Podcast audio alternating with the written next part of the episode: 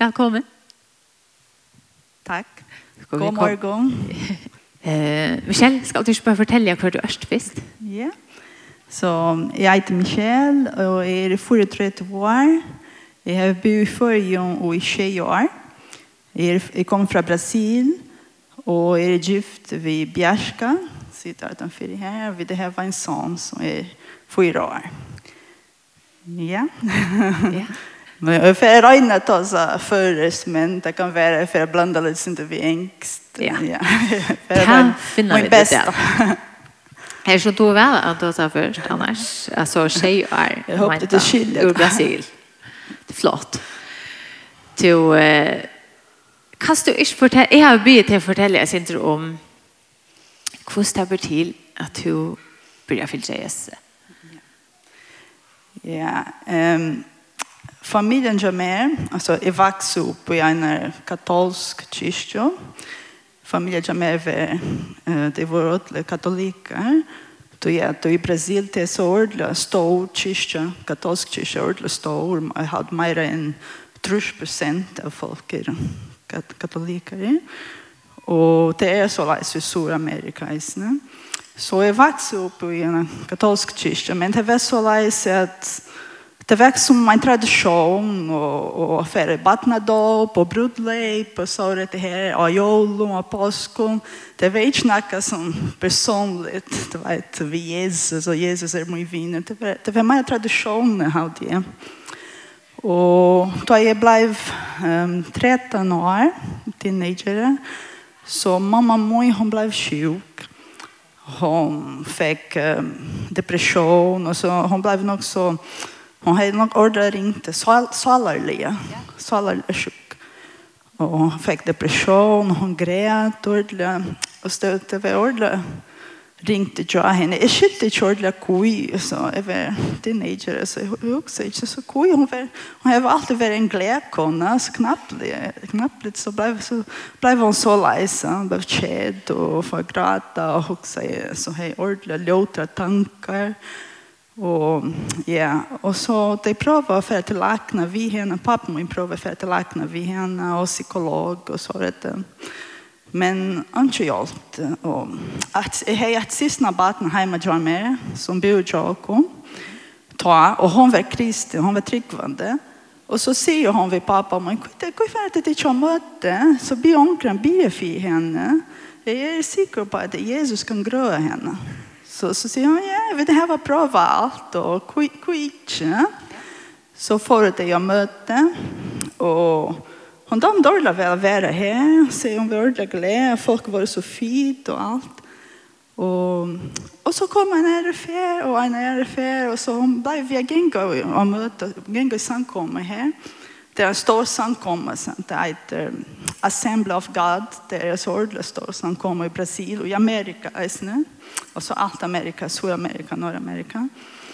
hun hon började glädje og de dörrade väl være her. Folk bor for henne.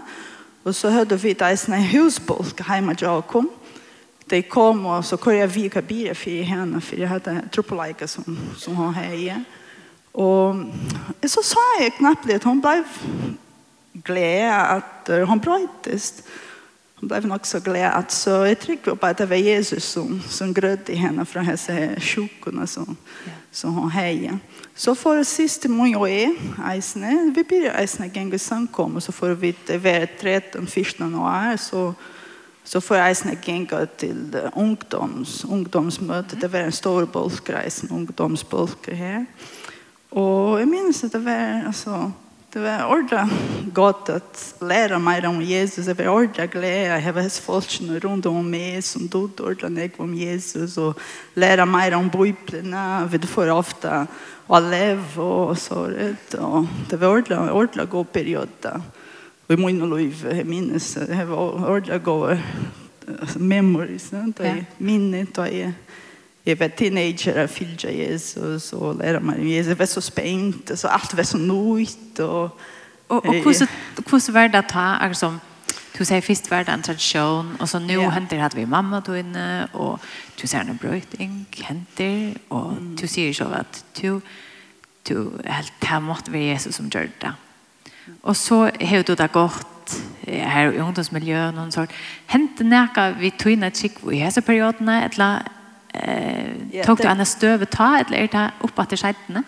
Det var andre så at det er naturlig, naturlig som de fleste sier og forteller, men det var mer så naturlig. Ja. Det var bare naturlig at jeg begynte å gjenge samkom og gjenge til ungdomsmøte og elever. Så, så, så lærte jeg mer og mer om Jesus.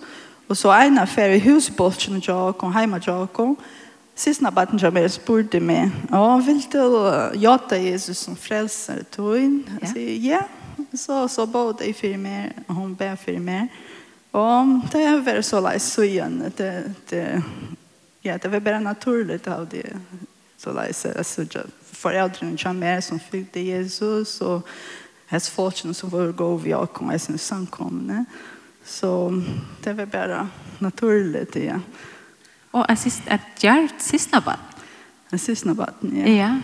Som som er nok så åpen om sina trick og som sier yeah. färra møte, og yeah. be for mamma då inna och yeah. til om du vil bli frelst. då. Ja. Ja, familjen jag pappa mig och hon faktiskt alltså alla familj alla från i familjerna.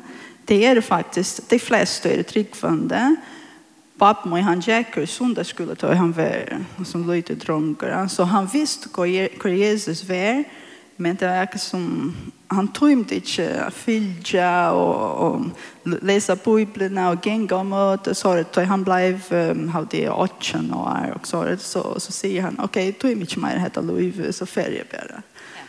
Pushte fra hälsa hälsan kom Louis. Ja.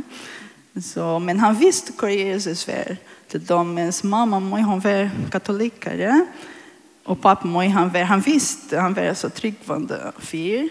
Så mamma må en ena för så en sån standmynd. Så det är kat katolsk kyrka, det häver som standmynd av Maria. Va? Och mamma må köpa så säger pappa må nej, hette först i skojra. Huset jag med, hette tog mig inte häva. Han visste inte att ska vara lite vara. Han visste, han visste vad Jesus var, han visste att det här var skrift och han visste inte vad det är. Hemma jag konstant med så han ber till Maria. Nej, vi måste be till Jesus. Ja. Men det er, det er noen år siden nå, at du var 13. Ja, mer än 20 år sedan. Ja, det er så overligt. Jeg mente, jeg vet, jeg er slett så gammel. Jeg er bare akkurat på fjörde. Men eh jag ser för 20 år sedan och så är det akkurat som ta ta man var ung till ordla Löje. Jag vet att kanske ja, sen det bort för det som är uppe att äldre och och helt overligt för det som är yngre men så är det nu 20 år sedan. Ja. Men hur så blir det till att du enn fyllde Jesus. Så säger pappa han, han valde att ta. Han fyllde Jesus när han var ung och sier nej, inte mer. Och så kom han att, och sen kom han att, ja. Att han har det här hände. Men tog han fyllde Jesus så igen ta. Så igen var rättan här. Ja, det är vi. Och det var alltså det här var väl några elbiovingar i sin jök nu. Löven så att det här var problem och elbiovingar till de som mamma mig. Nu är hon inte här mer, hon är det nu. Men det var det var alltså tog jag att hon hade allt det här hände. Hon fick faktiskt kräft hon blev sjuk. Okay. Och det var en ordentlig strövperiod där. Det var hade det var det största erbjudandet som jag har varit jag någon liv som en kristna liv och trygg för ordentlig. Ja, så det må være hardt. Hon, hon blev sjuk och ja. Jeg ber ordentlig nek, for jeg visste at Jesus kunde grøna. Jeg ber ordentlig nek, for... men det gjorde det ikke han valde att det kan hända till så innan. Mm. Så det var liksom inte ringt att han har haft den här perioden till att jag får ivas där lite sin att okej att säga att Jesus kan göra allt, han kan gröa, han kan göra allt. Bröjt allt långt sovna. Men det gjorde han inte vid mamma min, mina. Gjorde han inte till henne? Ja. Så blev man lite sin vet. Ja. Yeah man, man börjar ivasta lite sent om goj och goj gud gör det så lejsen. Yeah. Men, ja, ja. det är nog så naturligt helt tyst det. Att man, jo, att man så fär att huxa sig inte. Han gör det en affär och kui gör det han inte att Ja. Det är också, det är ju tjockare vilja, det hans vilja, det är som han vill. Mm. Och jag heter Ordla ringte ta, men Ja, det var gott att ha ordla, så trygg gåor, tryggvand vinner ja, mm. i samkommet. Det er det som är viktigt. Ja, det här var goda tryggvand vinner och familj, folk som kommer stola till och hjälpa till. Mm. Och geva det ett gott år, och geva det, vet, ta om Jesus och hjälpa till att ta till väg och att har bruk för hjälp. Mm. Så kom det hjälpa till. Ja. Det är som det är ordentligt viktigt. Så det var tjock någon häst folken här som hjälpte mig att snurla när jag går bo för mig. Och det, så Jesus grødde meg. Ja. Han grødde ikke henne, men han grødde mot mot hjertet. Mm. Og familien, syster min og pappa min. Mm. Så i det så såg jag hit jag etter. Så så jeg, ok, det var faktisk en mirakel at han gjorde det inne i meg, inne i pappa min. i snö vi kunne halda fram og leva och kara liv utan at huxa och nacka tjejligt um, utan nacka konsekvenser eller så ja. som man säger för att det som hände ja. ja. och vi det här var en av vår nästan att ja. Eh, vi färra sucha Jesus en där och vi färra sucha öll folk som vi älskar som är i fjärren och vi färra sucha mamma och min att ja Det är en fantastisk vån. Ja.